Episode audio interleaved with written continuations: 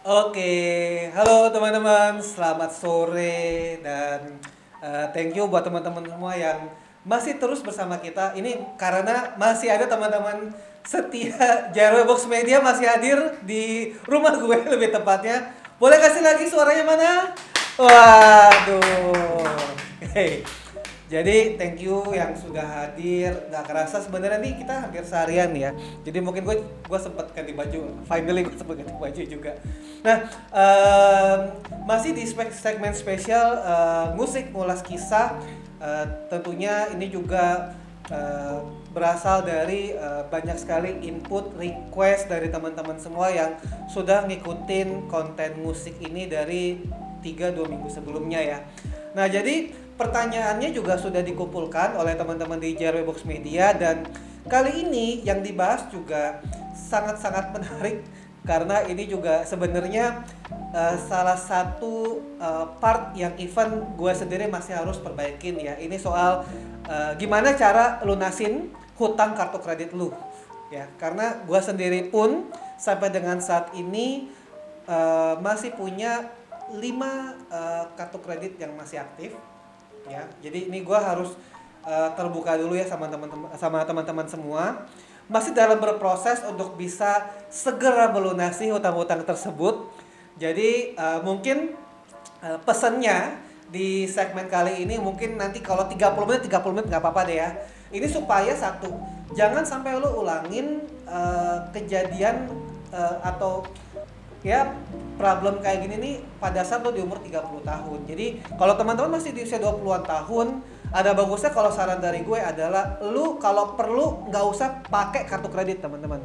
Kenapa? Selama lu bisa, masih bisa beli barang cash ya.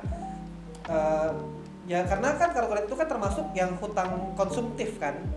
Jadi kalau selama lo masih bisa beli semuanya itu cash, please lu belinya cash. Kenapa? Karena itu akan nggak ngebuat uh, isi kepala lo nanti akan pusing setelah tagihan kartu kreditnya muncul ya teman-teman. Jadi itu itu kalau boleh ya boleh minta ya ini ini saran aja ya teman-teman ya. Ya emang hidup hidup teman-teman. Tapi itu personal opinion uh, dari gue sendiri.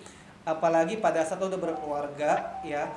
Jangan sampai kayak gue. Kenapa? Karena gue sama Tika uh, menikah sudah di tahun ke-8 ya tapi gitu kita sampai dengan sekarang pun masih harus memanage nih hutang-hutang kartu kredit kita.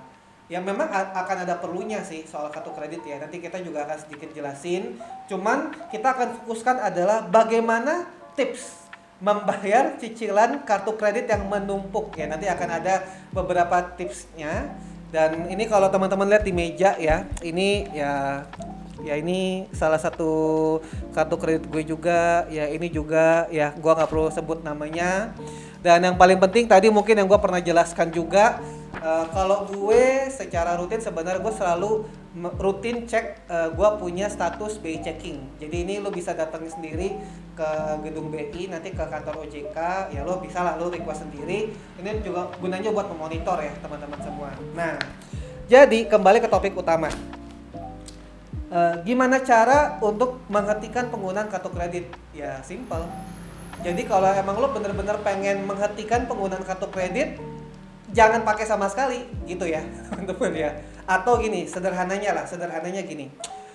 Kita kalau secara secara uh, lo punya kekayaan kan hitungannya kan pasti total aset kurangi total hutang sesimpel itu ya teman-teman ya Nah, hutang ini kan sebenarnya bisa kita lihat ada hutang produktif, ada hutang konsumtif. Produktif mungkin yang buat yang masih bisa buat jangka panjang kayak KPR gitu ya. Nah, kalau personally kalau gue sendiri nyicil mobil tuh termasuk hutang yang bukan hutang jangka panjang, maksudnya bukan hutang yang bagus gitu loh. Uh, karena kan nilai mobilnya kan menurun.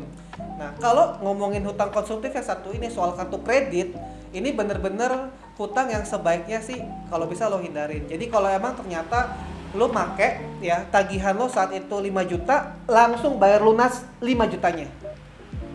Get that point ya teman-teman ya. Jadi kalau ternyata lo make tagihannya 10 juta di tagihan kartu kreditnya baiknya langsung aja bayarin 10 juta gitu. Jadi jangan pernah bayar minimum payment atau pembayaran minimal. Karena kan biasanya kalau tagihan 5 juta minimum payment 10% berarti 500 ribu kan. Ya kalau tagihan 10 juta berarti minimum, payment lo 10% ya berarti 1 juta. Ya memang sih kalau gaji misalnya 4 juta, 5 juta atau di atas itu mungkin dengan angka segitu masih bisa terkondisikan. Tapi teman-teman jangan jangan sampai kejadian kayak gue. Kenapa? Karena pada saat dulu mungkin seneng-senengnya transaksi dengan kartu kredit ya gue gesek aja gesek gesek gesek gitu ya. Bayar bayar bayarnya nanti pada saat di belakang itu malah kepusingan sendiri. Karena tadi karena gue dulu salahnya gue adalah membiasakan bayar dengan minimum payment. Even sampai dengan gue udah menikah pun dengan Tika kita akhirnya uh, cukup terperangkap lah membayar dengan minimum payment. Cuman ya alhamdulillahnya kita udah bisa mengontrol kita udah bisa memanage dan kita sekarang ini dalam perjalanan dalam proses untuk pelan-pelan bisa lunasin satu persatu. Gitu ya teman-teman semua. Jadi kalau ditanya total hutang? Nah ini ada yang nanya emang total hutang lo di kartu kredit itu berapa? Ya total hutang jadi dari lima kartu kredit gue mungkin nggak perlu sebut nama tapi ada satu bank yang sama satu kartu ada satu bank yang gue punya dua kartu ada satu bank juga yang gue punya dua kartu. Jadi total gue punya lima kartu kredit. Nah total hutang saat ini ya yang terkumpul. Itu lumayan loh teman-teman. Jadi yang di satu ini gue masih ada 18 juta nih yang satu. Yang dua ini gue itu masih ada uh, eh, 16 tambah 18 ya sekitar 32 berarti ya. Terus yang satu ini gue masih ada total 30 juta. Berarti 70-an juta lah utang kartu kredit teman-teman. Tapi kalau secara BI checking alhamdulillah lancar ya. Cuman ya gitu lancarnya kenapa? Ya karena kan pembayaran minimum paymentnya masih bisa uh, terbayarkan. Gitu. Nah jadi kalau itu itu kalau hutang ya. Jadi hutangnya gede nggak? Teman lu utang 70 juta kalau gede nggak? Gede ya? Gede loh 70 juta.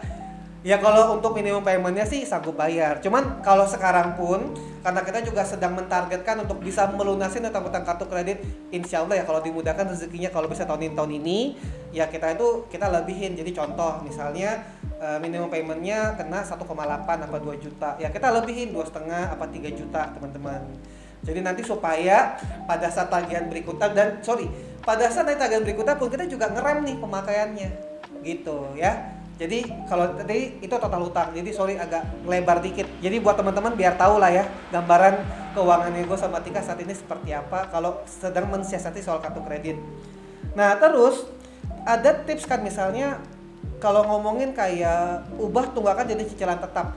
Lo pernah ada pengalaman itu nggak? Ya personally gue pernah ada pengalaman itu. Jadi di salah satu kartu kredit uh, dulu gue pernah mengokekan untuk uh, skema Easy Pay jadi itu merubah ke cicilan tetap jadi kan dulu cicilannya itu uh, dirubah ya dengan bunga 0,9 sampai dengan satu persen jadi kalau teman-teman lihat itu uh, itu satu bulan ya uh, kira-kira kurang lebih uh, hitungannya hitungan bunganya ya memang uh, waktu itu tenornya juga bisa dipilih. Jadi mau tenor berapa? Tiga uh, bulan enam bulan atau mungkin mau lebih dari itu? Tujuannya sih cuma satu sih uh, apa namanya untuk meringankan lah. Jadi ibarat kata tuh ngasih nafas nih untuk bayar uh, tagihan utangnya. Well personally karena gue pernah dengan skema Easy Pay sebenarnya gue pun nggak menyarankan ya. Kalau bisa bayar aja lunas. Cuman kan kadang ada dalam satu kondisi karena dulu gue juga pernah ya teman-teman dalam satu kondisi di mana uh, pengeluaran juga cukup padat. Ya jadi kita juga ada pengeluaran-pengeluaran yang tidak terduga.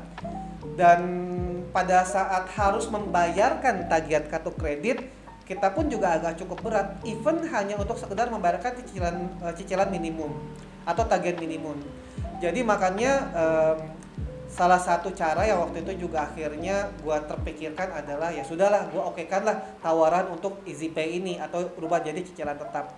Jadi waktu itu yang gua ambil ya waktu itu ya bunganya kena satu persen per bulan dan tenornya waktu itu jadi enam bulan waktu itu teman-teman. Jadi ya kalau dulu uh, sempat kena minimum payment di 2 juta gue mungkin di tagihan billing billingnya uh, kena paling cuma 300 ribu apa tiga setengah ya waktu itu ya. Ya balik lagi ya teman-teman ya. Itu sebenarnya salah satu cara. Tapi gue harus kasih tahu juga yang nggak enaknya. Karena easy pay itu jangan jadiin kayak oh enak nih. Uh, malah uh, apa minimum paymentnya malah berkurang drastis gitu ya. Nah lu jangan tertipu ya kayak gitu teman-teman. Kenapa? Karena pada saat lu terpengaruh dan lu terbawa justru itu malah malah membuat lu terjerat dalam hutang yang semakin dalam nih teman-teman. Gitu. Jadi uh, sebenarnya itu salah satu strategi aja karena kalau dulu gue kondisinya cukup banyak pengeluaran-pengeluaran yang gak terduga. Jadi itu opsi paling terakhir. Mau nggak mau ya gue harus lakukan. Ubah jadi cicilan tetap. Ya dan itu pun salahnya gue adalah ya gue waktu itu tiga bulan sempat bayar segitu dan pada saat gue ingin lunasin uh, ingin lunasin malah kena semacam overcharge-nya. Uh, eh, gue bukan orang yang ngitungnya tapi waktu itu kena overcharge-nya lumayan gede dan gue juga waktu itu sempat komplain. Tapi apa mau dikata ya karena kan kita udah setuju waktu ditelepon sama CS banknya dan gue juga mengokekan ya karena kita itu masalahnya kalau lagi dalam banyak utang atau lagi kusut gitu ya kita pasti akan cari jalan shortcut deh jalan pintasnya waktu cicilan tetap itu akhirnya membuat gue juga cukup nyaman gue malah lupa sama yang hal-hal yang kayak tadi. Jadi kalaupun itu teman-teman lakuin please segerakanlah. Jadi kalau misal ternyata lu cuma terdampak cuma di satu dua bulan doang nih lu lagi banyak pengeluaran ambil itu sebagai opsi paling terakhir. Lalu yang lu harus lakuin eh, berikutnya adalah segera lakukan yang lo biasa lakuin. Ya kalau emang lo biasa lakuin minimum payment ya udah minimum payment. Kalau bisa langsung segera dilebihin gitu ya. Nah terus ada juga pertanyaan lo pernah nggak sih cairkan aset mencairkan aset sebagai sumber dana tambahan buat bayar uh, tagihan kartu kredit lo sebenarnya gue pernah lakuin itu. Cuman gue itu parahnya ya uh, terjebak dalam suatu kondisi yang juga nggak bagus dan jangan diikutin. Jadi ini pengalaman gue jangan jadi parameter jangan mau ikutin kesalahan gue itu ya. Jadi uh, sedikit sedikit cerita boleh nggak nih? Boleh ya sedikit cerita ya. Jadi um, dulu itu kan gue itu pernah ya karena ada salah satu kebutuhan yang sangat-sangat urgent. Akhirnya gue waktu itu minta limit kartu kreditnya itu gue naikin. Jadi kalau limit kartu kreditnya itu 42 juta gue minta dinaikin ya ke 55 juta lah ya. Jadi lumayan nambahnya. Naiknya belasan juta waktu itu. Gue agak lupa. Waktu itu karena limit udah naik ya akhirnya kan e, bisa beli keperluan yang gue butuhin saat itu. Jadi waktu itu emang keperluannya itu sangat-sangat harus deh gue harus punya saat itu ya. Nah salahnya gue adalah karena itu pengalaman pertama gue naikin limit sementara itu, itu, itu limit sementara. Ternyata pada saat gue uh, limit sementaranya udah selesai karena waktu itu gue cuma minta naikin limit cuma satu bulan doang.